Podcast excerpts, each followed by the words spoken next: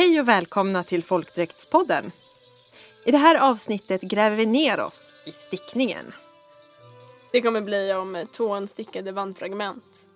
Skånska spedertröjors koppling till Norge Trendblomman nejlika. och så drömmen om en Delsbo-tröja.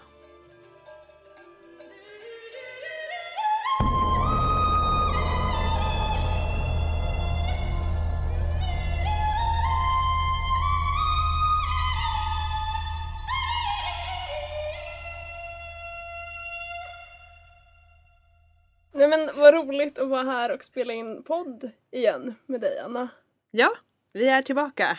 Ja, ja det blev ju ehm, lite längre eh, mellan avsnitten där än vad vi hade tänkt eh, i förväg. Ja, det är väl ett sånt här nybörjarfenomen. Att man tänker att nu kör vi, vi kommer vara väldigt konsekventa med, med tiden. Men det blev en lång paus, men nu är vi tillbaka. Ja. Eh, och har vi kanske haft lite självinsikt om eh, eh, vår egen kapacitet och jag vet inte, jag tycker fortfarande det är ett bra mål att ha en poddavsnitt i månaden men att vi gör ju bara det här för det är kul så att det kommer vara på feeling. Ja, precis. Idag ska vi ju prata om, om stickning i folkdräkter. Eh, och vi bestämde oss för bara förra veckan och bara, nej men nu, nu måste vi ta tag i det här. Nu kör vi. Bokar inspelningsrummet och eh, spelar in ett avsnitt. Ja. Det känns som att jag i alla fall inför hade så här, ganska höga ambitioner om man ska intervjua olika personer som var experter. Eh, och det kanske blir i framtiden. Men det var som att det... Ja. Det var lite för höga ambitioner så speciellt väldigt tog tag i det. Ja. Ja, men stickning alltså. Ja! I folkdräkt. Ja! Eh, man kan väl säga att vi har, eh, vi höll på att fundera inför om så här, men vad, vad vill vi få med? För att det finns ju, eller så, det finns ju ganska mycket och så här, hur ska vi ta oss an stickning i folkdräkter? Precis, vad har man för ingång egentligen i ämnet? Ja. Men, eh, men tanken idag, eller vi ska prata lite, lite historiskt om stickningens historia. Och sen så har vi valt liksom tre områden att dyka in i. Vilket är som prata om skånska spedertröjor. Eh, och sen om hälsingetröjor. Som två olika eh, exempel som skiljer sig ganska mycket. Eh, men fortfarande tröjor. Och sen om tvåhandsstickning. Precis. Och sen har vi också en lyssnarfråga som vi ska besvara. Ja. Spännande.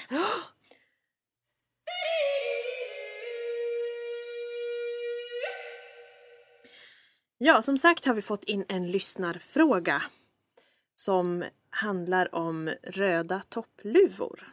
Och den lyder som följer. Varför är röd stickad mössa standard i så många mansdräkter? Som jag har fattat det, alltså lyssnaren. Vad är historien bakom den? Det röda garnet och så vidare. Och Kim, du har kollat lite på det här. Kan du svara på lyssnarfrågan? Ja, um jo men det har jag gjort. Och först och främst så eh, ska jag konstatera, så, ja det stämmer ju att den är den röda toppluvan finns med i väldigt många olika mansdräkter och de pojkdräkter. Just det. Eh, från lite olika håll. Ehm, och eh, men som en så här kortversion först att det var en handelsvara. Mhm. Ehm, Så att det var ingenting som man stickade själv utan man köpte in det. Eh, Och det innebär alltså att det var något fint. För att kunna köpa någonting så behöver man pengar. Ja just det, det blir kapitalvara. Ja, och allt som man inte kunde producera själv på gården eller det man spann själv, det blir, det blir finare. Jag tänker det är som kattunerna i många dräkter. Ja. Att man lyxar till det lite. Ja. Och jag har hittat lite olika namn för det här när jag höll på och läsa på. Mhm. Eh, det jag på att läsa i eh, Håkan Libys bok eh, Dräkternas Hälsingland. Och där kallar han det för rödmössa. Och pratade om så här, en luva som är stickad i rött ullgarn. Och att den liksom tydligen, i alla fall i Hälsingland, den är som ett filtat rör. Och liksom Ah. hopdragen. Eh, så att den inte är liksom, formstickad. Eh, Nej, den har inte den här spetsiga toppen som vissa sådana här spelmansluvor har. Nej. Ja men precis. Och ja, men några har tofs, några har det inte. Eh, så, de tydligen används vid mindre högtidliga tillfällen. Okej, så det är inte värsta bröllopsmössan? Nej, som jag förstår det. Mm. Eh, men den refereras också till som en eh, norsk toppmössa i eh, Arne Bergs och Cecilias bok Folkdräkter. Mhm. Eh, det tyckte jag var intressant, det här med att varför det är norsk eh, toppmössa. Och just att, och sen så höll jag på att läsa då i Håkan Libys bok eh, där han skriver om menar, att rödmössorna då är vanliga i landskap som bedrev handel med Norge. Okej. Så, och jag höll på att så här, kolla på olika dräkter för att här, identifiera så här, vilka dräkter har faktiskt den här röda Ja. eh, mössan i sig. Och det är ju ganska många, eller eh, olika, men de landskapen det finns det är ju liksom, det är Västergötaland, det är Västmanland, Dalarna, Hälsingland, Jämtland, Värmland, Härjedalen, Gästrikland och uppe i Medelpad. Mhm. Eh, och eventuellt finns det på flera ställen. Men det här Ja. var vad jag hittade när jag höll på att titta på det och så här, kolla på lite bilder på olika dräkter. Eh, men det kan man ju konstatera att det är ju, det är ju landskap som ligger liksom i Mellansverige västerut. Ja. Liksom. Och jag tänker det är också landskap där man passerade när man åkte på sån här pilgrimsfärd till Trondheim. Det var ju, och när man åkte till Röros och gick på marknad. Så det var ju farleder som gick ja, men från Mälardalen och upp till Norge. Mm. Så det är ju säkert då att där, de som åkte köpte Ja. med sig. Ja, precis. Och för jag, för det känns som när jag höll på att läsa det här att alla så här, trådarna slutade vid de kommer från Norge. Ja, Och sen var det som en, som en barriär där med norska gränsen och så här. vi kommer inte över norska gränsen. Nej!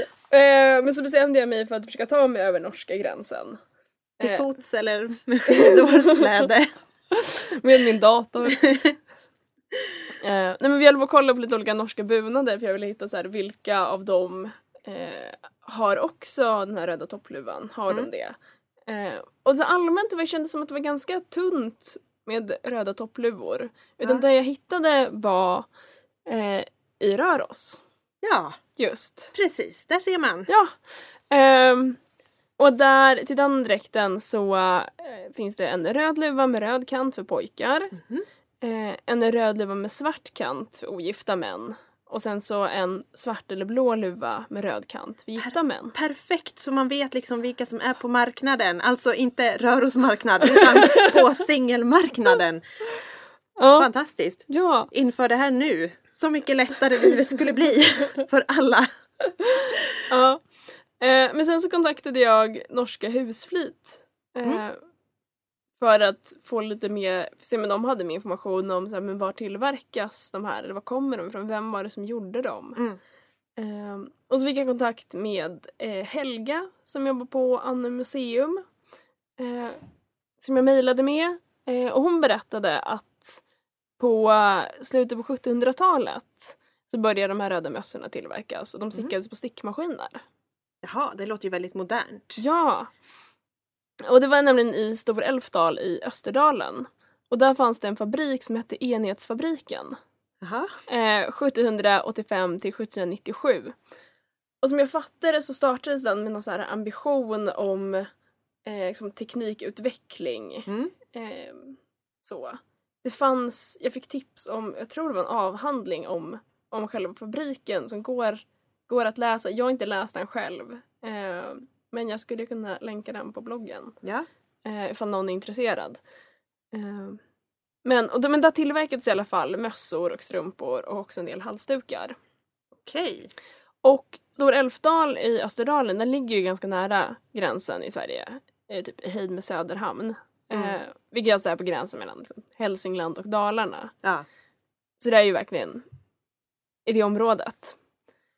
Och allt av det som producerades såldes vidare utan det var liksom ingenting för det egna behovet. Och det såldes framförallt på Röros marknad. ja men, tänka sig.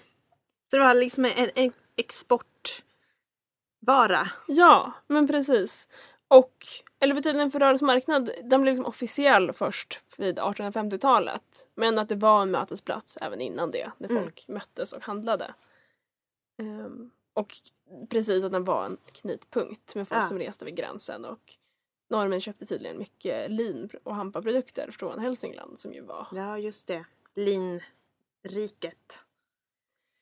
Ja, och det, det är väl liksom historien om den röda toppluvan. Eh, och den var inte bara röd, det fanns ju liksom också blåa, bruna och svarta. Mm. Eh, och hur de spreds i Sverige och ja, men så här, i den folkliga dräkten och då blev en del av folkdräkten. Kul! Bra fråga och ett bra svar. Tack! Och tack för fråg- till frågeställaren.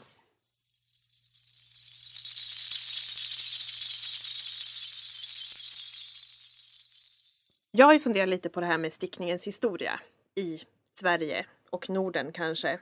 För det är ju, man tänker att stickning är en väldigt gammal teknik. Eller jag har ofta tänkt på det att ja men stickat, ja men det är sådär gammaldags, det har funnits jämt. För, det, för det är, när man tänker efter på tekniken så är den ganska enkel. Ja, Man har maskor på en pinne och så liksom flyttar man över dem med, med en tråd. ja. Eller alltså jag vet inte, jag höll ju på att nörda lite på medeltidskläder som tonåring. Ja, Och då lärde man sig ganska snabbt att det inte fanns stickat. precis. Det är nålbindning som gäller om man vill ha någonting liknande. Exakt. Nålbildningen var ju liksom stor i Sverige. Det var ju det vi hade från vikingatiden liksom. Och det var så man jobbade och det, blir, det är ju väldigt slitstarkt och, och bra. Har jag förstått. Jag kan ju inte nålbinda. Jag har tänkt att jag ska prova men det blir liksom inte av. Ja, jag har gjort det lite grann. Ja, Eller vi hade ju på Nyfiket en workshop i nålbindning på ett av våra stickcaféer. ja just det. Eh, Så då lärde jag mig av en av de som jag driver fiket med där. Ja. Men det känns ju svårt tycker jag. Mm. Eh, men som sagt, stickningen konkurrerar ut nålbindningen. Ja, men för jag tänker, är du bara snäll lite på nålbindning? Ja. Ja, men jag tyckte det var, inte, det var inte jättesvårt, det tog mycket tid. Jag gjorde också det här med Lovikka garn så det var liksom tjockt. Chunky. Men eh, att, jag tänker som att sy, eller så här, du har ju en nål som du tar upp den på, du har liksom en viss bit tråd. Det finns ingen plats att liksom fästa som är i stickning så du måste liksom tova ihop Ja. en stump med nästa stump. Det är mäckigt. Ja, slipper man ju med stickning. Precis, jag tänker att, att stickning på något sätt, det, det är ju lite kreativare. Ehm, i, I och med det här man, man kan göra olika strukturer och olika mönster. och Det är väl därför också som stickningen har blivit en sån stor grej. För att det är väldigt mångsidig. Och man kan använda det till olika plagg. I, av olika storlek, olika funktion. Mm. Eh, men just det här med historien, jag har ju kollat upp det här nu och den källa jag har tittat mest på det är från textilhemslöjd.se. En jättebra sida med olika textila tekniker och lite information och tips och så. Och då har Britt-Marie Kristoffersson som är en gigant i stickningsvärlden skrivit om stickningens historia. Mm. Och där skriver hon att stickning finns bevarad från koptisk tid i Egypten och blev mycket spridd runt Medelhavet. Och koptisk tid, det Nej, kanske det- inte är ett sånt här begrepp man, man har koll på, gemene person. Men det är alltså de kristna i Egypten. Och man säger väl att kristendomen kom till Egypten runt 100 efter Kristus. Så det är väldigt tidigt. Okej, ja. Ehm, så det är ju jättegammalt. Ehm, men här uppe i Norden var vi ju lite sena på bollen då. det kom ju inte hit förrän kanske på medeltid, ja senmedeltiden. Mm. För då hade det spritts över kontinenten och så kommer det till Danmark. Där man började liksom med strumpstickning och sånt på 1600-talet. Så det är egentligen efter medeltiden. Men det är lite svårt med sånt här textila grejer bevaras ju inte särskilt bra. Dels att, att det slits ut och det som inte slits ut det kanske man modifierar och gör om till andra plagg. Så originalplagg som stickades för första gången, det är ju inte som att det finns jättemycket sånt som ligger och dräller överallt. Så det är lite svårt att kartlägga hur gamla tekniker är på det sättet. Men Danmark kommer det ju först till. Mm. Naturligt, kontinenten, upp Danmark. Första man satte på sin resa norrut. Precis. Och ja, sen kommer det ju till Sverige, naturligt. Och det här finns eh, två tröjor från 1600-talets mitt bevarade. Från Halland i silke. Mm. Ehm, och det är ju gammalt också. Så det kommer alltså söderifrån och det har, där finns ju den här kulturen med spedetröjor. Ja. Som du har koll på för du kommer ju från Skåne. Den naturliga uppdelningen, Ja. den geografiska uppdelningen. Spedetröjorna. Ja. Ska jag prata lite om speltröjor? Prata nu? lite om spedetröjor. Ja, men då kanske jag fortsätter med din historiska ingång och går liksom baklänges in till speltröjorna. Mm. Ehm, men för jag höll på att läsa om speltröjor inför det här. Och, men jag kanske ska börja med tipsen för jag lyssnar nämligen på Nördig Knitting som har ett poddavsnitt, nummer 29, ehm, som handlar om ja, men spedertröjor framför allt. Efter någon av dem var på någon kurshelg på Skånes hemslöjd Mhm. och höll på med, med det. Eh, plus lite annat som jag läst. Men i alla fall. Eh, man alltså, spedertröjan är ju en dräkttröja som bärs av kvinnor i Skåne. Eh, och den bärs under livstycket eh, men över särken. Så det är liksom Okej. ärmarna som sticker fram. Eh, så. Och lite ringningen vid halsen i princip. Så det är inte som man tänker en modern tröja att man har den ytterst. Nej, Nej, utan man har den under livet. precis. Eh, och det är också med tröja, det är ju som en kofta. Mm. Eh, jag kanske inte alls börjar med det så, jag kanske börjar med lite hur den ser ut. Ja. Eh, så. Men för den är eh, kort. Det är de flesta de skånska dräkterna de börjar ju också eh, liksom, med, de har ett väldigt liksom, kort liv. Liksom. Mm. Det man skulle kalla ampyrskärning. Ja. Om man utgår från skrädderi. Liksom. Ja.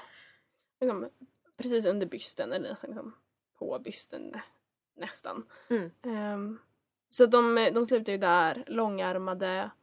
Um, som har, har ingen öppning så. Som man drar dem över kroppen. Mm. En kort, en, en magtröja fast stickad väldigt tätt. Ja, för det är också grejen de är stickade på typ stickor en och en halv. Ja, Alltså det är ju jätte, jättepyttigt. det är verkligen jättepyttigt. Ja.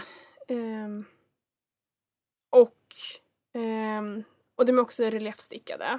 Så Mm. du har som slätstickning som bas och sen så är det aviga maskor som bildar ett mönster. Mm.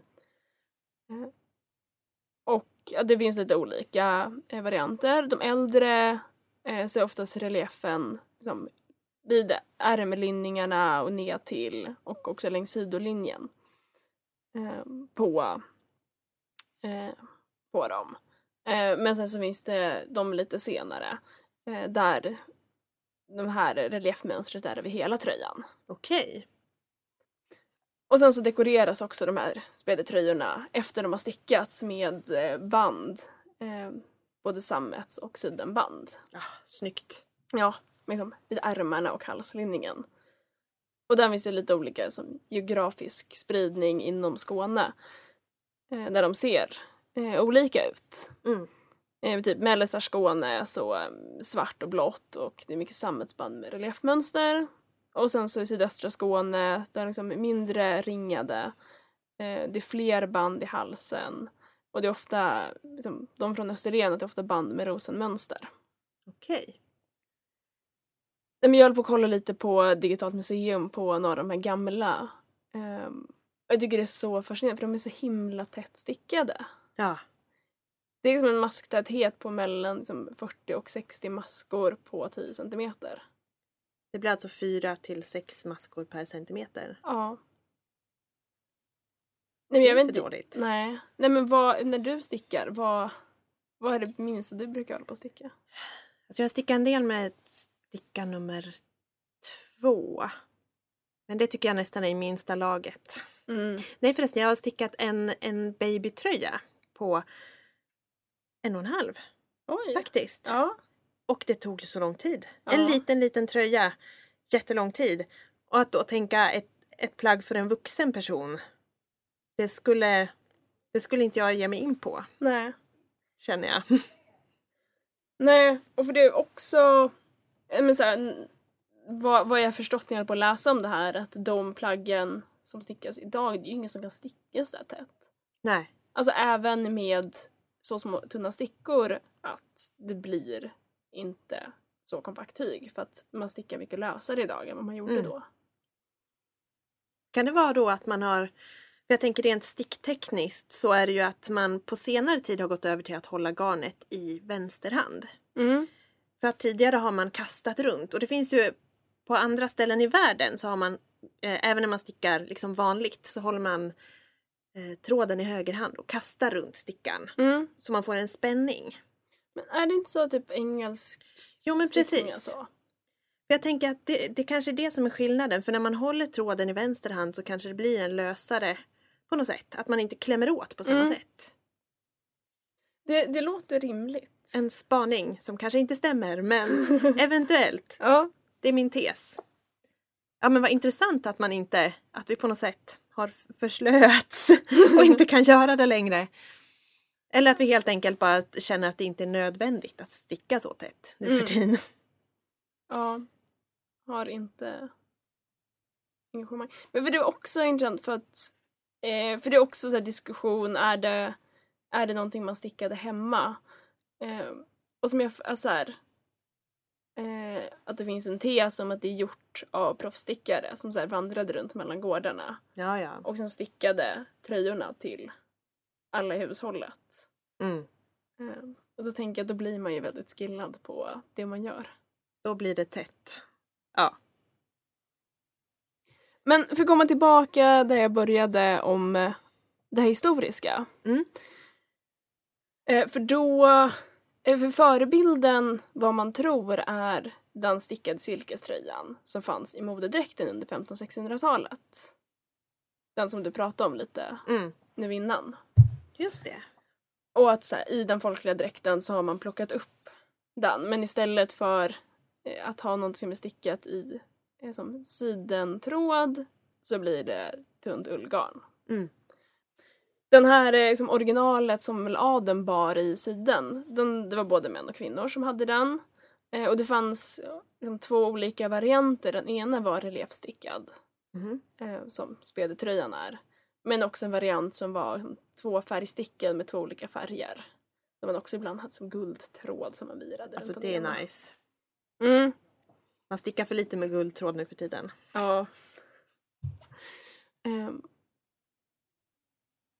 Och så här, men att man kan se att att den är, kommer liksom därifrån, eller inspirationen är tagen. Som jag tänker Mm. mycket i den folkliga dräkten, det kommer från olika stilar. Ja.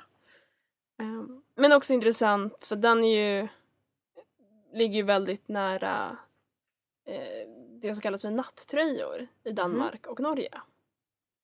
Som man har på natten då? När man, Nej. när man sover? Nej, Nej, Nej, men- pyjamas? eh, det, men det, eller, det verkar vara oklart. Ingen verkar riktigt veta varför de kallas nattröjor. Okej. Eh, men det verkar vara ganska klart att man inte hade dem på natten. I alla fall hade man dem inte enbart på natten. Okej. Eh, och i Danmark hade det var samma grej som i Skåne, att de bars under livstycket. Aha. Och den var också reliefstickade. Mm. Eh, Men att det var vanligt med liksom mönster med stjärnor. Ja just det, var, var det inte en artikel om det här i ett nummer av Hemslöjd? Ganska nyss. Ja, jag tror det kan ha varit en av de här numren från typ 80-talet som jag plockade på mig. Nej nej nej nej nej. nej nej nej. Det här är faktiskt från i år. Från Okej. 2018. Ja, Det är inte från 80-talet utan Ja. om en kvinna som stickar just de här, eller bevarar traditionen med de här danska stjärnmönstrade tröjorna. ja. Nej men det kanske är så. För Jag, får mig att, jag har minnet av att jag läste ganska nyligen Hemsliden. Men jag plockade på mig en bunt från Hemsliden i Umeå. Så det var därför jag tänker att den kanske är gammal. Men du har säkert rätt. Ja, jag har rätt. Jag ska sluta bråka om det här. ja, men också... För alltså, de, de finns eh, och det finns också i Norge och de här stjärnmönstren hade de också på mig i Norge. Mm. Och allmänt att det verkar vara en grej som finns i Skandinavien men inte så mycket på andra håll. Ja, just Men som, det. det finns liknande tröjor på andra håll i Europa. Mm. Och man kan ju också se det här med stjärnmönstren överlag i nordisk stickning. Jag tänker på Mm. Selbyvotter och, och sånt. Vissa tvåenstickade Mm. mönster. Det är mycket stjärnor Mm. generellt Mm. som vi jobbar med. Ja. Men också att de finns också i Estland. De här tröjorna. Ja, det är ju intressant. Men Estland var ju svenskt. Ja. Men jag har ju så dålig koll på, på Estland. Vi får åka på studieresa till Estland. Ja. Jo men jag tänker den baltiska regionen i stort. Det har Mm. ju varit mycket handel fram och tillbaka med Hansan och liksom. Mm.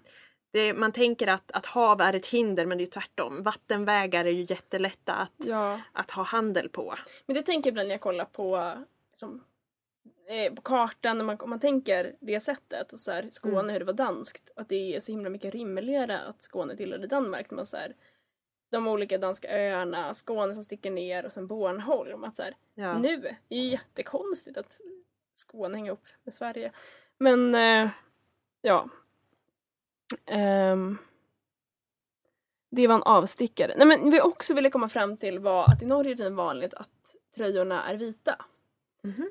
Och allmänt så liksom stickades de i vitt ullgarn och färgades i efterhand. ja, ja. Ja. Nej men jag vet inte, det var väl det jag skulle prata om lite historiskt hade jag tänkt. Ehm, och sen har jag funderat lite på, vill jag skaffa mig en spedetröja? Ja, det vill du. För att, nej, men jag vet inte, bara typ i midsommar så hade jag liksom underställströja under min särk. Och så kände jag att nej men det här är inte så. Tröjan ska inte vara under, tröjan ska vara över kände du då. Så kände jag. Eh, men kanske sticka. Men det finns ju också, jag tänker till min dräkt skulle jag ju kunna ha, sy liksom en vadmalsjacka. Ja, just Så. det. Det känns som att fler har det än vad folk som har spedetröjor. Men det kompletterar ju varandra lite. Att ha både en tröja och en jacka. Ja. Eller ja, det heter väl tröja även där man har ytterplagg. Eller så heter det i Ja. alla fall till min dräkt att jackan kallas tröja. Ja, Det är ju lite begrepps eh, ja, ja men jag tror att båda är ett. Nej men jag vet inte. Ett överkroppsplagg. Ja. Ja, nej, men jag tänker att att man kan ju ha både och. Ja. Du får börja med det ena Ja. helt enkelt. Ja. Det får jag göra. Nej men i alla fall, för jag kollar lite på var... Ja, men var börjar man? Nej men dels finns det Inger Olsson eh, i Skåne eh, som kan jättemycket eh, om spedetröjor och som har jättemycket arbete med att typ, men samla ihop och dokumentera men också så här, skapa mönster. Eh, så det går från henne tror jag och från Skånes hemslöjd att, att köpa mönster med material för att sticka de här. Mm. Eh, går också att köpa maskinstickade Just det. som färdiga och sen så får man dekorera själv med, med banden. Det är roligt. Mm. Fast det är lite som att köpa färdiga delar till ett pepparkakshus. Att, att bara dekorera. Ja. Men det Måste det vara dåligt? Det måste inte alls vara dåligt. För det kan ju bli jättesnyggt. Jag Ja. tänker om man, om man ska sticka den själv då måste man ju verkligen gå in för det. För det kan ju annars bli ett projekt som liksom spänner över 50 år. För man tröttnar i omgångar. Ja.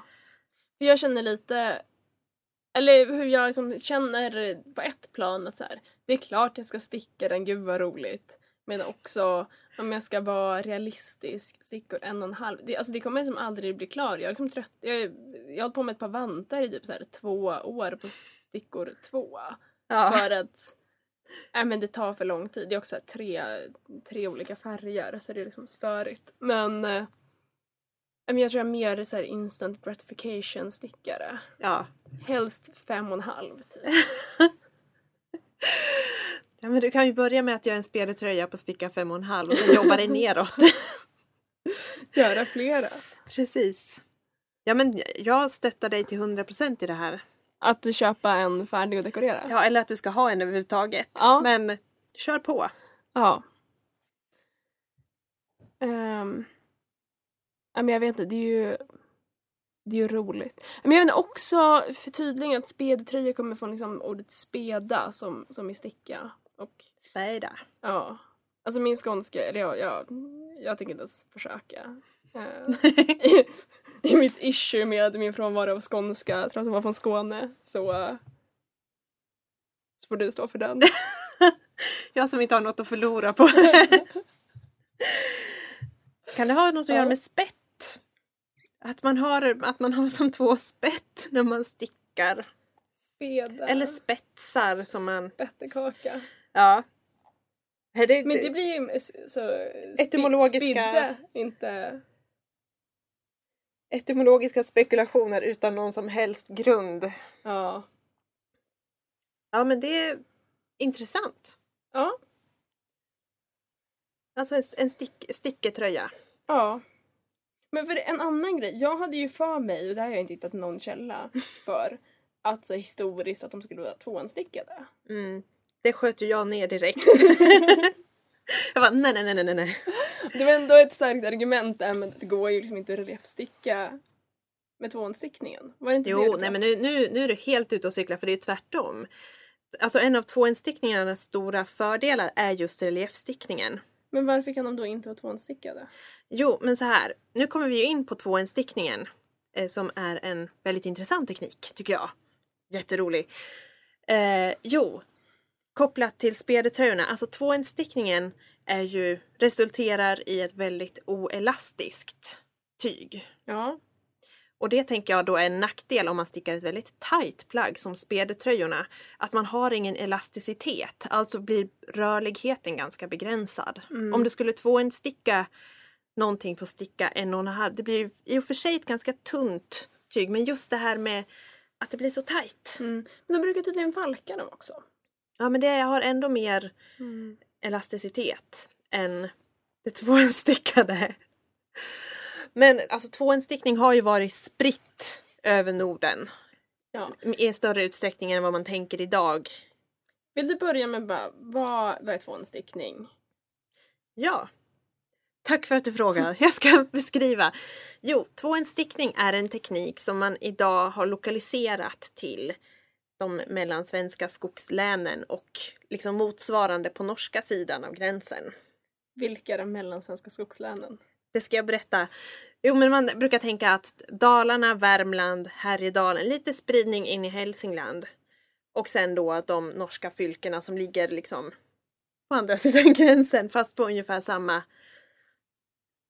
breddgrad. Ja. Ungefär.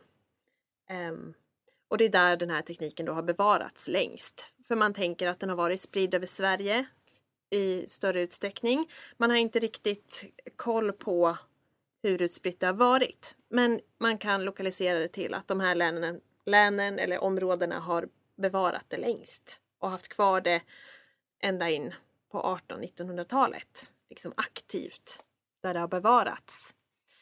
Ehm, och precis som det låter, man har två ändar, alltså man har två trådar som man då använder omväxlande och när man stickar.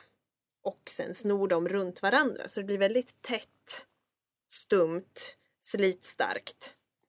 Um, och den här tekniken har ju varit den rådande sticktekniken i det här området. Det är först på 1800-1900-talet som vanlig stickning, som vi kallar nu, introduceras och man börjar lära ut det i folkskolan och då börjar det konkurrera ut tvåenstickningen. Okej, så kanske en del av att det ska vara samma i hela landet och det är stickning. Lärare som lär sig, lärare som lär sig stickning enligt alltså va- vanlig stickning. Ja, och också att kanske behovet av, av tvåenstickningens egenskaper har blivit mindre. Mm. När industrialiseringen kommer igång, man köper mer, man behöver kanske inte ha lika slitstarka plagg. Eller att man, den folkliga dräkten börjar utkonkurreras av industriellt framställda motsvarigheter eller Mm. liksom modernare grejer. Och att då det hamnar lite i skymundan. Ehm, och så. Men eh, ja, det glömdes ju bort lite, tvåenstickningen. Just eftersom det togs över av vanlig entrådsstickning. Men när man gjorde en utgrävning i Falun 1974 så hittade man ett fragment som troligen kommer från tidigt 1600-tal och då var det ett fragment av en vante. En Mm. fingervante. Väldigt sliten. Ehm, några fingrar var av. När man hittade den var den ut och invänd så man vet inte riktigt var använde man plagget ut och in eller var det bara att någon råkade ha tappat den och så var den ut och in. Ja. Ehm, men i alla fall, Intressant tänker jag också idén om vad som är ut och in. ja. Men det blir ju naturligt, när man stickar runt, runt, runt, runt så får man ju en naturlig avigsida. Ja. Så jag tänker att Ja, Men jag vet inte, jag tänker... Eller jag tänker så i, även inte bara i, eh, i tvåhandsstickning utan Mm. liksom vanlig stickning om man ska kalla det. Att man stickar räta och aviga maskor. Om du bara har två stickor så stickar du ju fram Mm. och tillbaka och då är vartannat varv rät och varannan avig. ja. Och så uppfattningen om att det vi kallar för en rät maska, alltså den är V-formade, att det är den, den räta. Ja.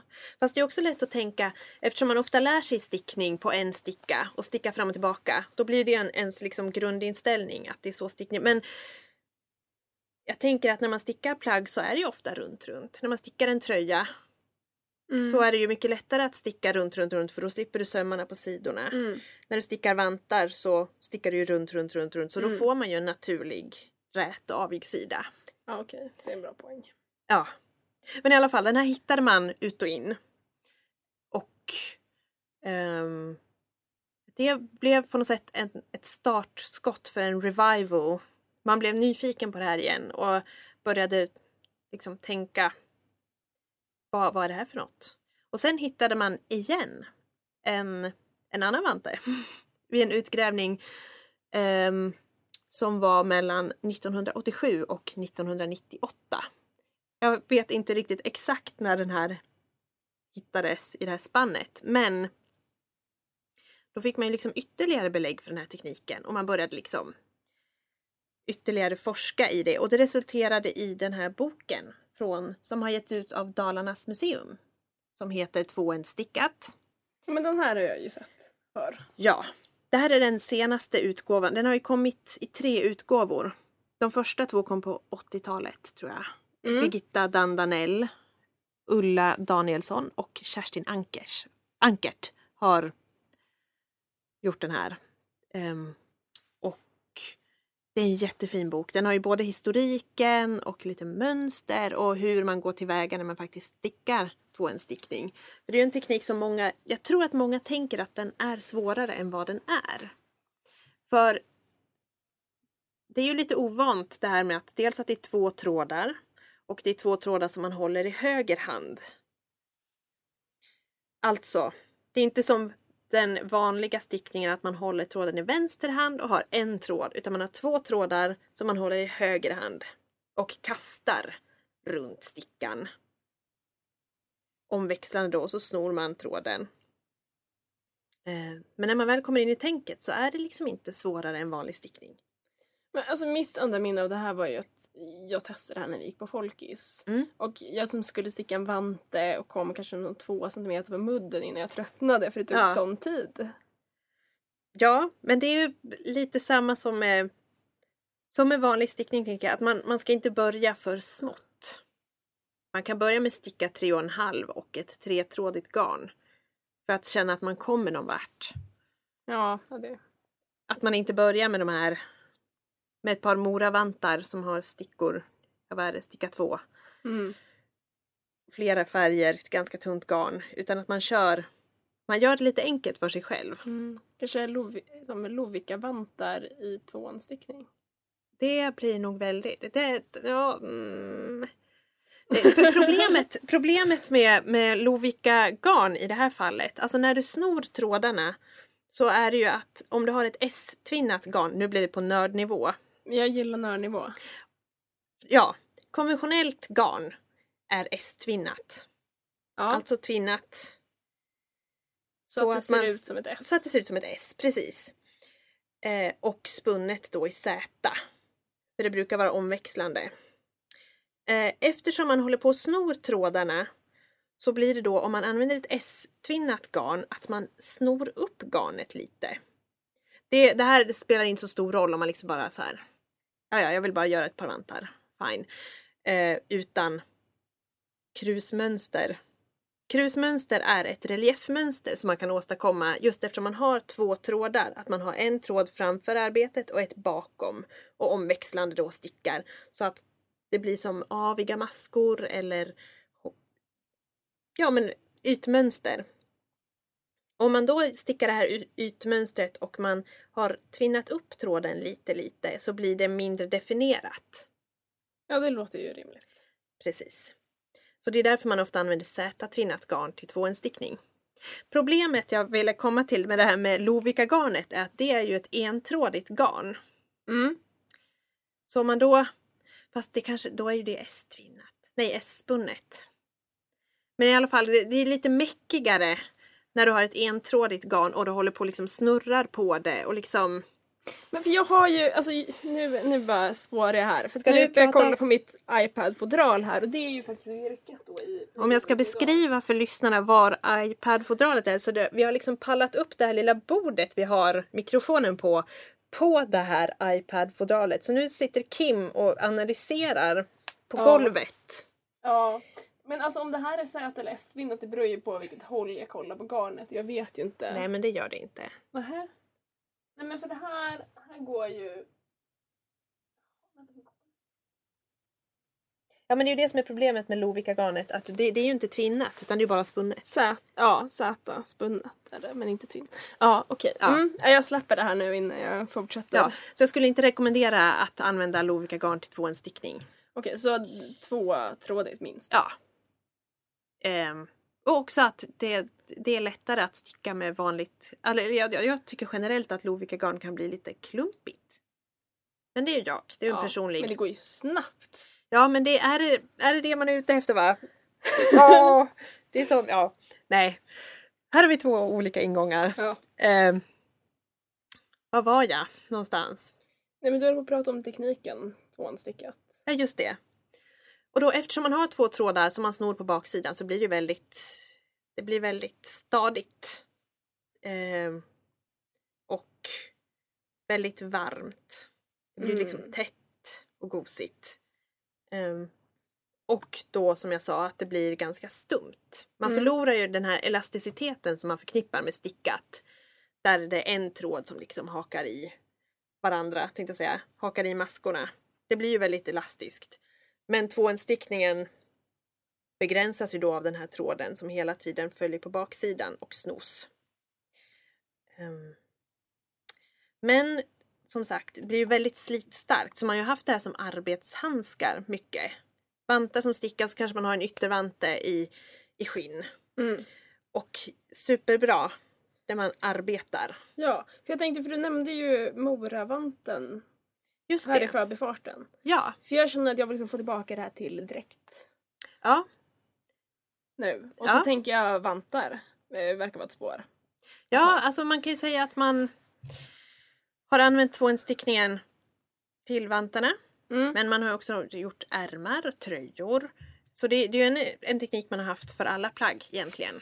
Ehm, men vantar, om vi börjar där, så finns det ju både ehm, Dels då de här mönsterstickade i fler färger. Som till exempel Moravanten. Sen har man ju också att Hur man... ser Moravanten Kan du bara beskriva den lite snabbt? Det, det kan jag göra. Ja. Den är Eller du måste inte om du inte har det här, så här att Slänga fram. slänga fram. Minns hur den ser ut. Jo, men den, jo jag, har ju, jag håller ju på att sticka ett par moravantar själv. Jag har väl kommit två centimeter ungefär på ett år. Ja. Eh, den är vit och så är det ett stjärnmönster Mm. i antingen svart eller rött. Mm. Som man kan välja. Och den här har man ju då till moradräkten. Eh, väldigt fina, påminner ju lite om, om Selbyvotter från Norge. Alltså det här med stjärnmönstret igen.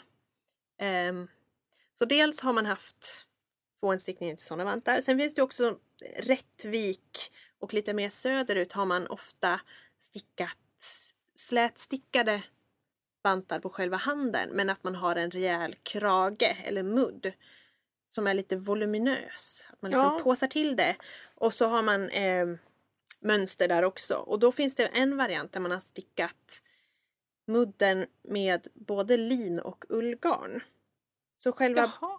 mönstret är i ullgarn men bakgrunden är i lin för då blir det en, också en reliefeffekt med det luddigare ullgarnet mot den här lin baksidan eller liksom bakgrunden. Eh, så det blir effektfullt. Så då får man lite både relief och färg. Mm. Det känns som jag inte tänkt på det. Jag har ändå Nej, men jag, jag känner ändå jag så här inne på handslaget i Rättvik regelbundet och tittar på, Ja. på vantarna. Um, jag försöker minnas det här du säger nu men Ja. ja, ja nej, det, Du ger upp. jag ger upp Ja. minnes, min, mitt Ja. minne. Men vad som är kännetecknande för många tvåenstickade plagg och just främst då kanske vantar och mössor är krusmönstret. Det här ytmönstret med där man jobbar med geometriska former mycket. Border, eh, stjärnor även där ibland. Eh, och det är väldigt snyggt. Och det är ju det som där tvåenstickningen står ut från vanlig stickning. Mm. Just att det är finess på de här mönstren. Eh, och jag läste i den här tvåen stickat så stod det om ett par bröllopsstrumpor. Att man ofta krusade mycket på sådana liksom högtidsplagg. Det ska vara Oh. snyggt, det ska liksom synas att det, det ligger mycket bakom, mycket jobb bakom Mm. de här strumporna. Och det, det var ju den tidens dräktstrumpor. Liksom. Mm. Man kunde antingen ha vaddmallstrumpa eller stickad strumpa. Och då var det också precis som med spedtröjorna att först stickade man dem i vitt garn och så kunde Mm. man färga in dem Ja. i till exempel blått var ju vanligt. Ja. Men jag tänker det är rimligt också när man håller på och stickar. Att så här, man vill ha, för att kunna se liksom, vad man håller på med. Ja. Att så här, inte sticka med mörkblått eller svart garn och så tänker jag det med lite skumt, lite dåligt med den elektriska belysningen. ja. Och också att man man, det blir ju verkligen den garnåtgång, eller liksom så man inte färgar för mycket blått. Och sen så blir, får man en, liksom en, en bit över och så kan man inte färga riktigt samma nyans. Och liksom Mm. så här, det är ju väldigt händigt just att nu har jag ett färdigt plagg. Det vill jag ha i den här färgen. Mm. Bra, det blir inget spill. Mm. Så. Mm. Även fast man säkert skulle ta tillvara på det på något sätt. Men det är ju väldigt praktiskt att det blir precis det man har tänkt sig. Och inget, Ja. inget mer. Intressant, för jag tänker idag känns det ju inte som en grej, eller de som håller på och färgar, att Mm. det är mycket vanligare att man färgar garn än att Ja. man färgar plagg. Men det har ju också en praktisk orsak. Att det är ju lättare att få ett garn jämnt färgat Mm. än ett plagg. Om jag tänker så här hemmafärgare, man kanske inte har en så stor kastrull. Då är det bättre att färga härvorna och Ja. få det jämnt än att knö ner liksom den färdiga tröjan och ska liksom ha ett Ja. flöde. Så- av och det är färgen. också fint med garn som inte är helt genomfärgat. Eller som, eller Mm. som att, att det blir de här små nyansskillnaderna. Eller också typ så här, Mm. garn som är färgat, eller så här, först färgat sen spunnet. Mm, Att man får liksom lite mer lyster. ja. Det blir lite liv i det hela. Mm. Mm. Men som sagt, strumpor, vantar, tröjor. Rubbet kan man göra i tvåenstickning.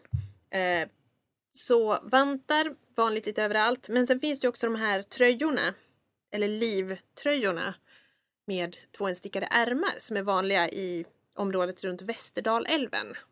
Så till exempel Gagnefsdräkten har, har den ett grönt liv med ärmar stickade i rött och svart med Ja. mönster. Mm. Ehm, väldigt fina. Och de hade man som arbetströjor. Kunde man ha gamla, om liksom de som inte var i senaste modet, kunde man ta och så hade man dem som arbetströjor. Så det finns ju en, en uppsjö av olika, olika mönster, olika kombinationer med färg på livet och ärmarna och, och så. Och Man kan i den här boken som jag pratar så mycket om nu, tvåensticka, men jag rekommenderar den verkligen. För då finns det en jättefin bild på en gammal, gammal farbror som har på sig en sån här tröja. Som jag tycker är jättefin och det kanske är Karl Lärka som har tagit kortet. Det är också en bok jag rekommenderar, Karl Lärka i Dalarna. Om man tycker det är kul med gamla fotografier på gamla människor med gamla kläder. Är han någon fotograf? Då? Fotograf, Mm. precis. Eh, vid förra sekelskiftet måste det ha varit han levde. Och dokumenterade liksom det gamla Dalarna. Så det, han har tagit kort på en, liksom en lokal, lokala kändisar och liksom miljöer och, och det gamla livet helt enkelt. Så det är också ett tips. Att titta på hans bilder om man är intresserad av gamla, gammalt Ja. bruk av Karl Lärka. Karl Lärka. Karl Lärka. Precis. Eh, så de här liven då med, med vadmal på själva livet och stickade ärmar. Där kunde man ju liksom leva ut sin fantasi mycket på de här olika mönsterborden som man kan hitta på själv eller ta efter någon annan och anpassa liksom efter eget tycke och smak. Men som med mycket annat i dräkt så har det lite cementerats på senare tid att Mm. Det här är Gagnefströjan. Då är det de här mönsterdelarna. Eller liksom då ska de här stjärnorna vara med på ärmarna. För det har ju varit väldigt, väldigt fritt vad jag förstår just med de här mönstren. Att man går lite på eget tycke och smak. Och jag gillar ju det. Mm. Det är ju härligt att få bestämma själv.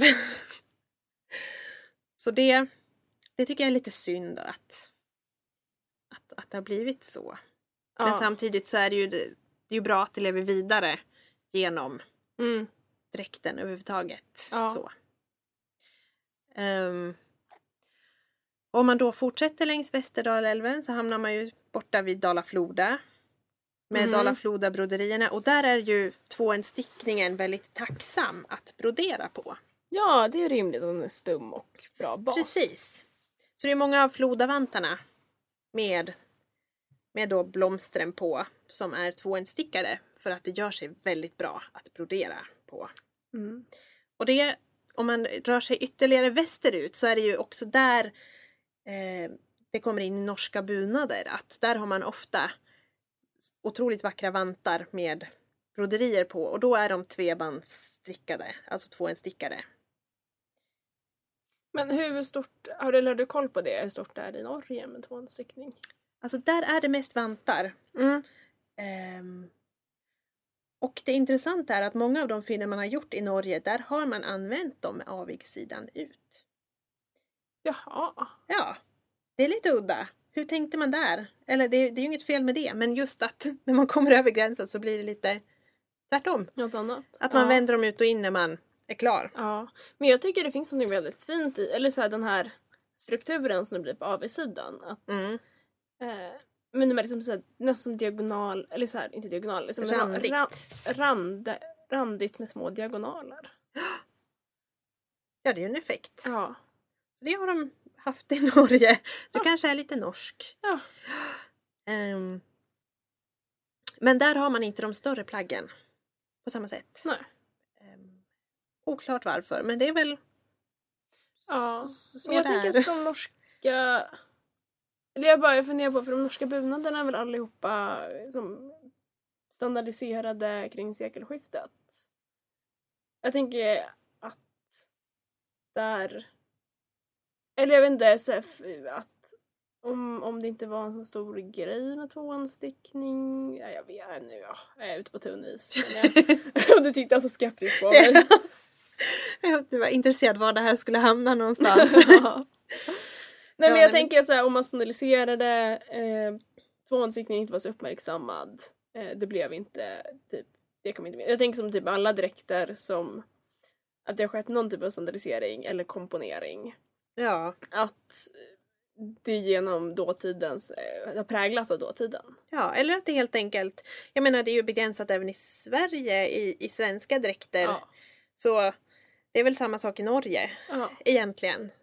Det kan ha funnits, det kan ha liksom gått dem förbi. Mm. Att de håller sig till att det är vantteknik. Kanske. Det är ju svårt att säga i efterhand. Sådär.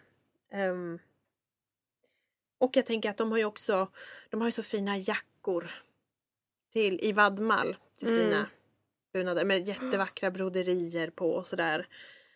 Så de kanske satsade mer på det helt enkelt. Mm. Det är en tradition som vi kanske inte har i samma utsträckning, det här med broderade jackor till våra dräkter. Det kanske är Floda då.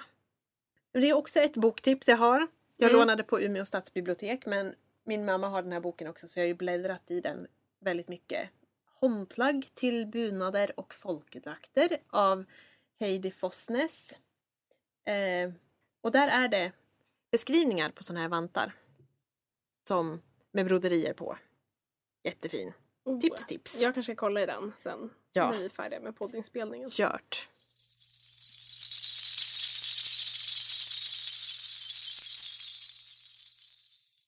Någonting annat i stickväg som jag ju är mer taggad på att sticka än en spedetröja. Det är ju en Delsbo-tröja. Ja, just det. Och nej men jag har ju hållit på, passade ju på nu när vi ska prata stickning, att prata om Delsbo-tröjor och om hälsingetröjor. Mm. Eh, för jag, eller jag kände att jag har ju, jag har ju ingen koll, eller jag hade ju ingen koll, nu har jag lite koll. Eh, men jag är som i Delsbo-tröja, jag vet att det finns, jag vet att de ser olika ut. Eh, och sen så här sätta in det i sitt sammanhang av hälsingetröjorna och liksom att den större traditionen som finns. Mm. Och som ju också hänger ihop med eh, tvåhandsstickningen. Ja, det gör ju det. För det, det. Dalarna och Hälsingland gränsar ju varandra så det är ju nära geografiskt. Det gränsar väl också mot Härjedalen kanske. Ja, i alla fall.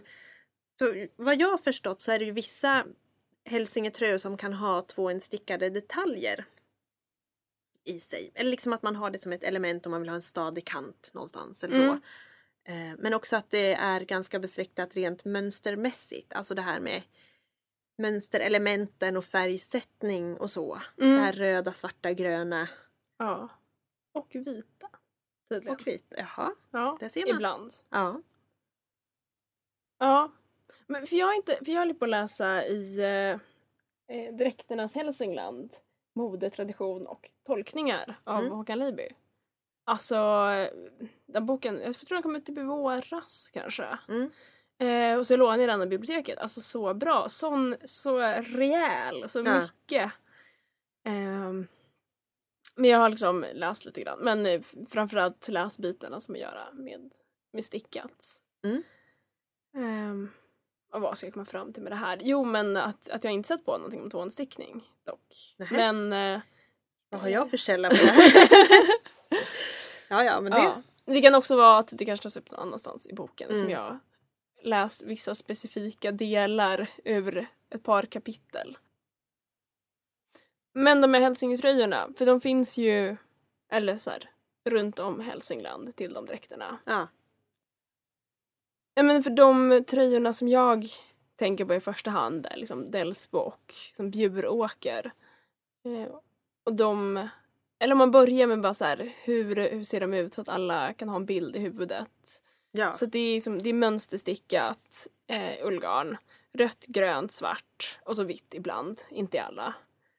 Ehm, och ja, men de bärs liksom mer, mer som koftor brukar göras Utanpå. utanpå. Liksom. Som, som, som ytterplagg. Ja. Liksom. Eh, och de kan vara, ganska vanligt i kvinnodräkten att de liksom är öppna fram. Eh, finns tydligen också att de är stängda. Eh, mansvarianten är som jag har förstått det liksom alltid stängd fram. Mm.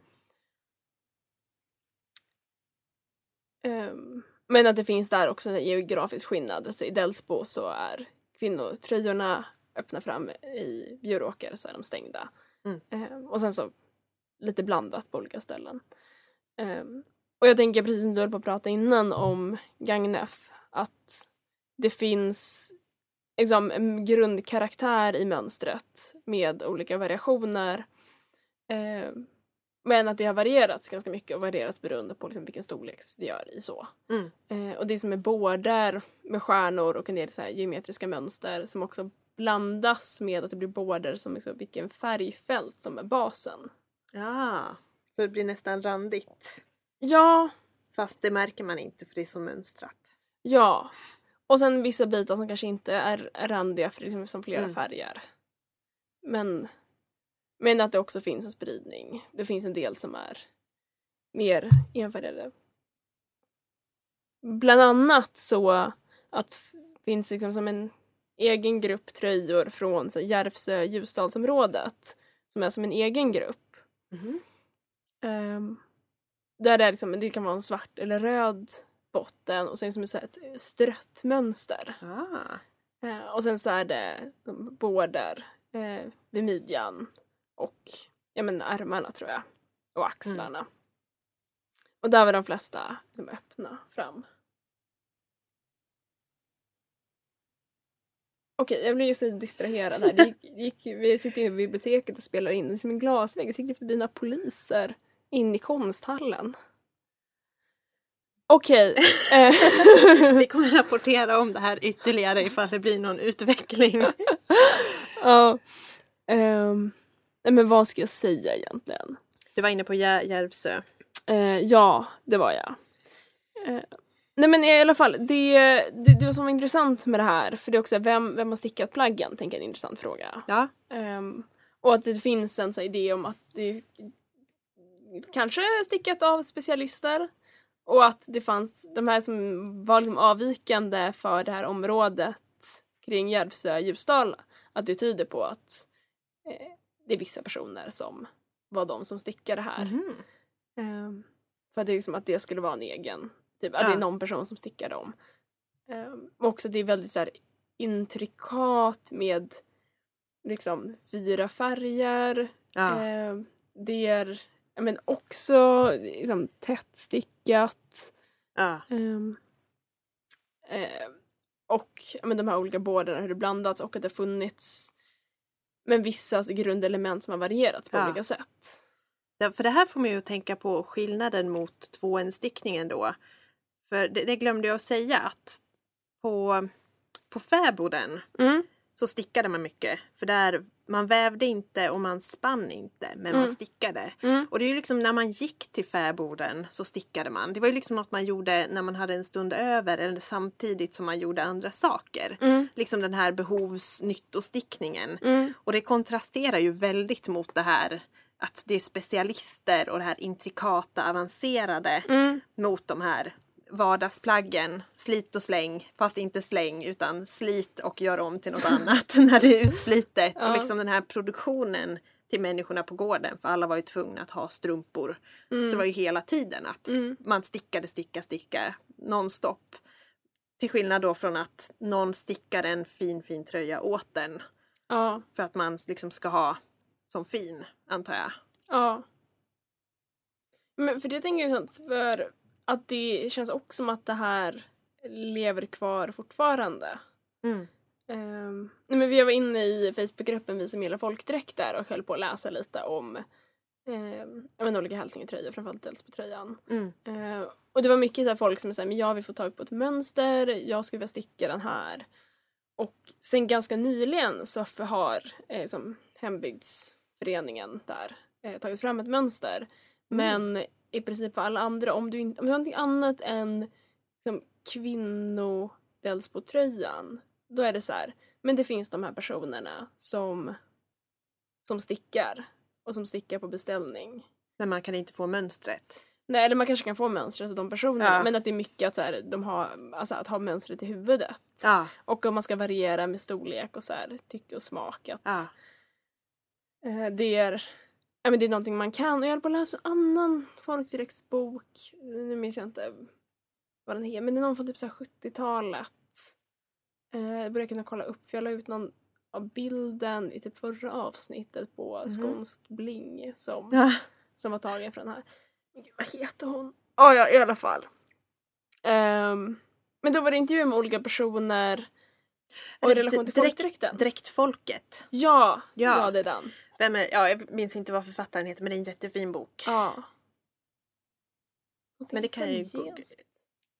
Nu, kanske. nu, Google är min vän. Ja, okej. Men... Eh,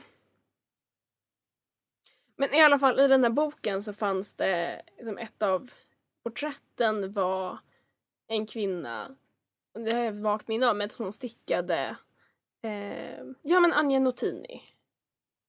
Ja men det låter, det låter Ja. helt rätt. Det, det, visst låter det italienskt med Notini? Ja, det gör det. Det kan också vara någonting helt annat. Notini. Ja. Nej.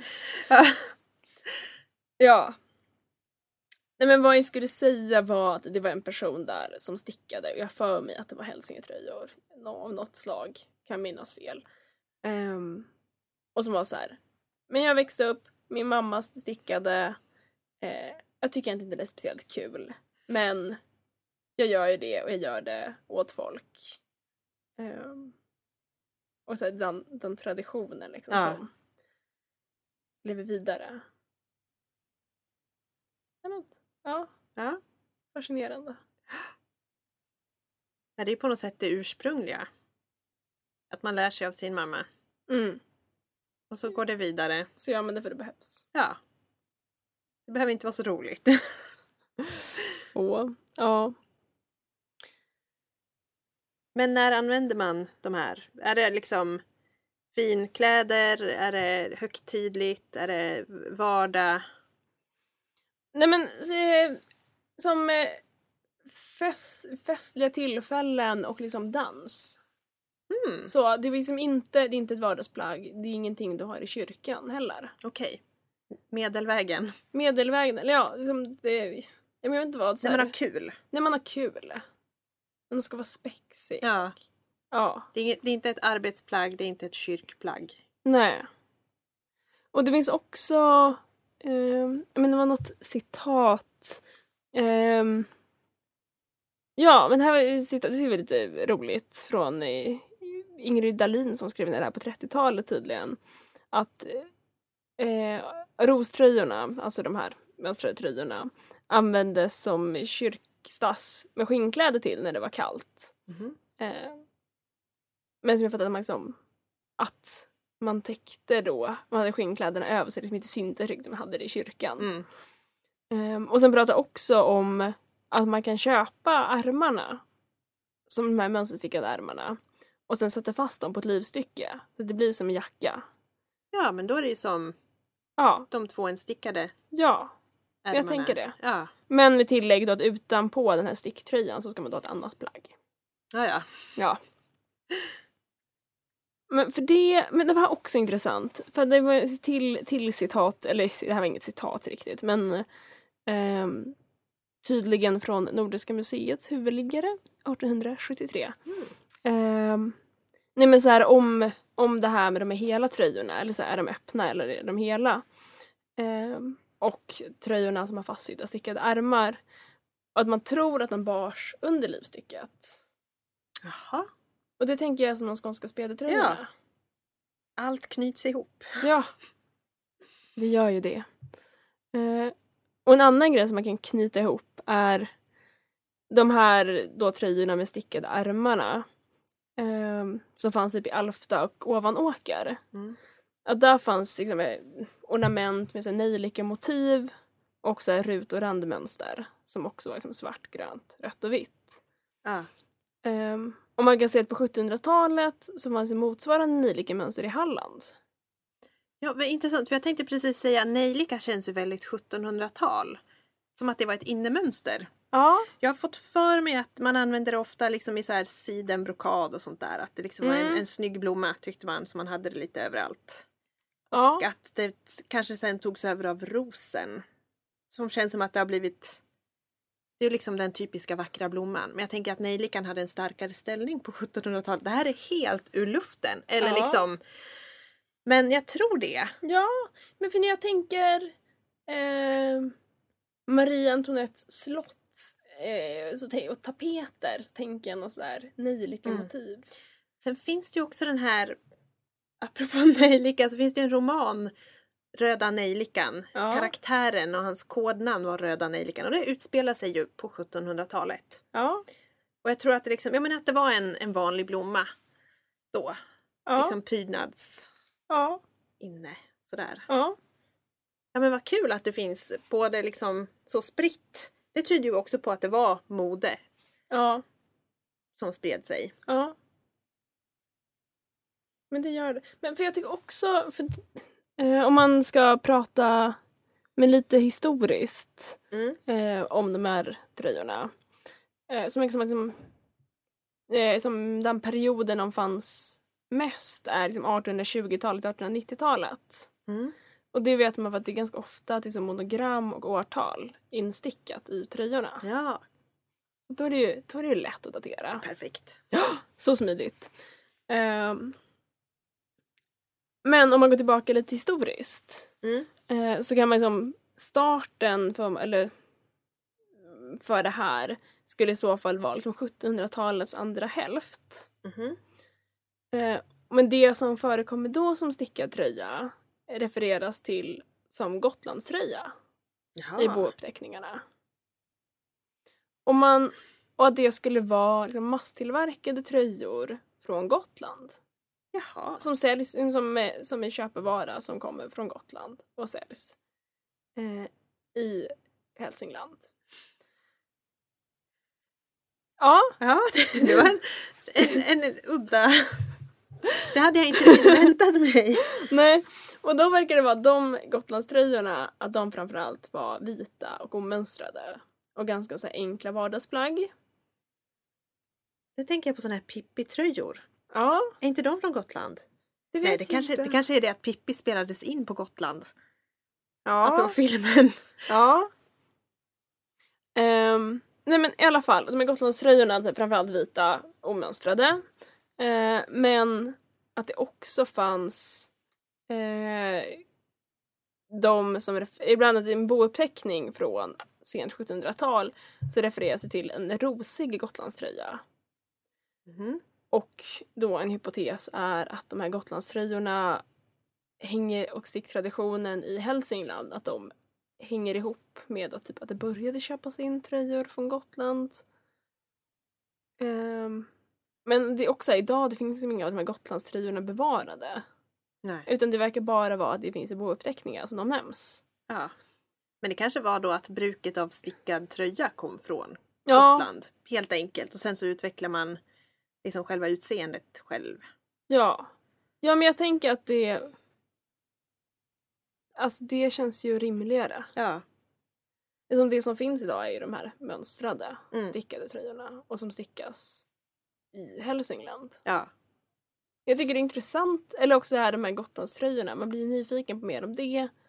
Och jag tänker det här vita ofärgade, precis som vi pratade om spedetröjorna och motsvarigheten i Norge, att de ofta Mm. var vita. Ja. Får forska Mm. i det här. Ja. Ja. Men fanns det något liksom, för det, det här var ju sån här när man hade kul. Mm. En, en partytröja. Mm. Men vad, hade man stickade plagg annars? Eller liksom jag tänker så här vardags, det är svårt det här med vardags. Vad hade man på sig till vardags? Hade man en annan stickad tröja då som var enkel?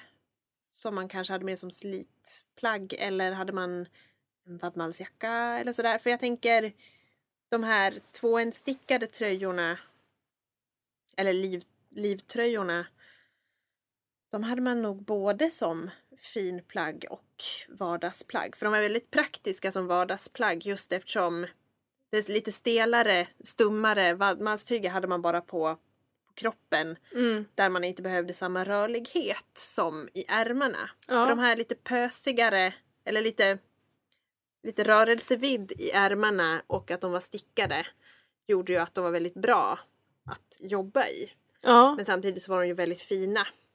Så man kanske hade dem då mer högtidligt. Mm. Men jag tänker det vore intressant att veta mer vad folk hade till vardags. För det är ju högtidsdräkterna som har konserverats på något Mm. sätt.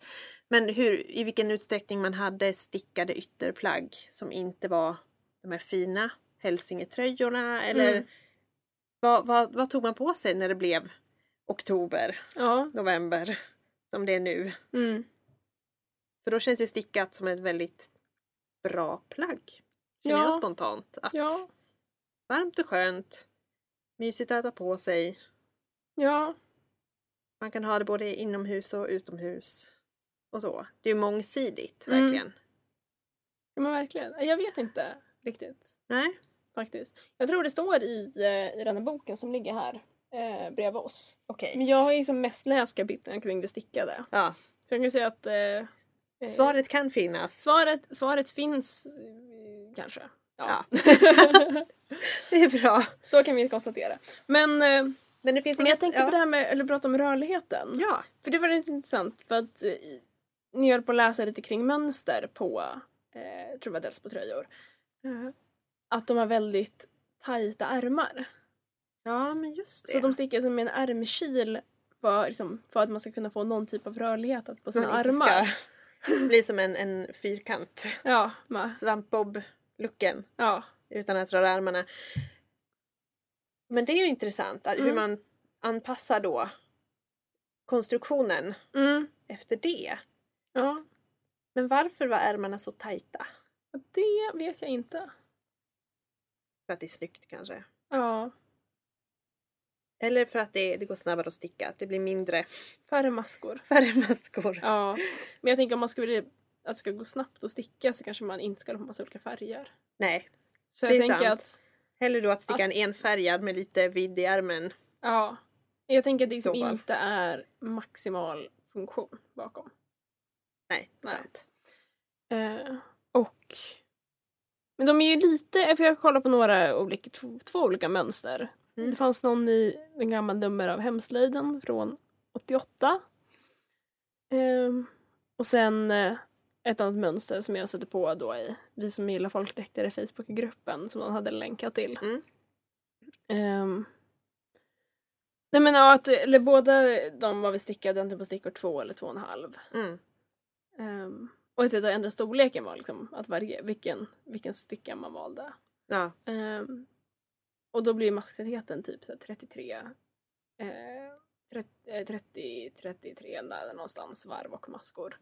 För 10, cen- 10 cm ruta. Mm. Det känns ju som mer hanterbart tycker jag än eh, 50 maskor. ja, det är en viss skillnad. Ja, Ja. Men då, ja, det är ju det är mönsterstickat. ja, Till skillnad då från spedetröjan. ja. Eller ja, jag tänker mer-. Ja, precis, men du behöver bara ha koll på en tråd. Tråd. Ja. För det har jag liksom det här med flerfärgstickning, det är ju väldigt roligt men det är just det här med att ha koll på alla trådar och liksom fästa alla trådar. Mm. Det är ju också ett moment i sig. Ja. Det är för och nackdelar. Ja. Ja. Men ja, blir det, blir det en, en Delsbo eller blir det en spede?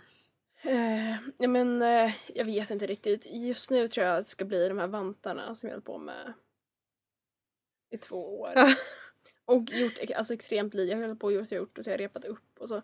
Nu funderar jag på om jag ska göra en annan modell. Att repa upp helt? Ja. Nej men alltså jag, alltså jag, jag har liksom gjort, det är liksom typ en halv vante Ja. som är gjord. Det är inget jätteproblem. Och så är det lite så här trassliga, ja. Ja, nej. Det blir vad det blir. jag, jag får se. Jag känner mig, jag känner mig inte taggad på dem. Nej. Eh, men jag känner också att jag skulle vilja ha dem för jag skulle vilja ha liksom en bra kompakt vante. För den, de vantar jag har är liksom Lovikka och sen så har jag liksom ett par med lite tunnare med slätstickade vantar. Och de är lite för kalla och Lovikkorna de är så klumpiga. Men då, då kliver jag in här då och säger att har du tänkt på att två en sticka?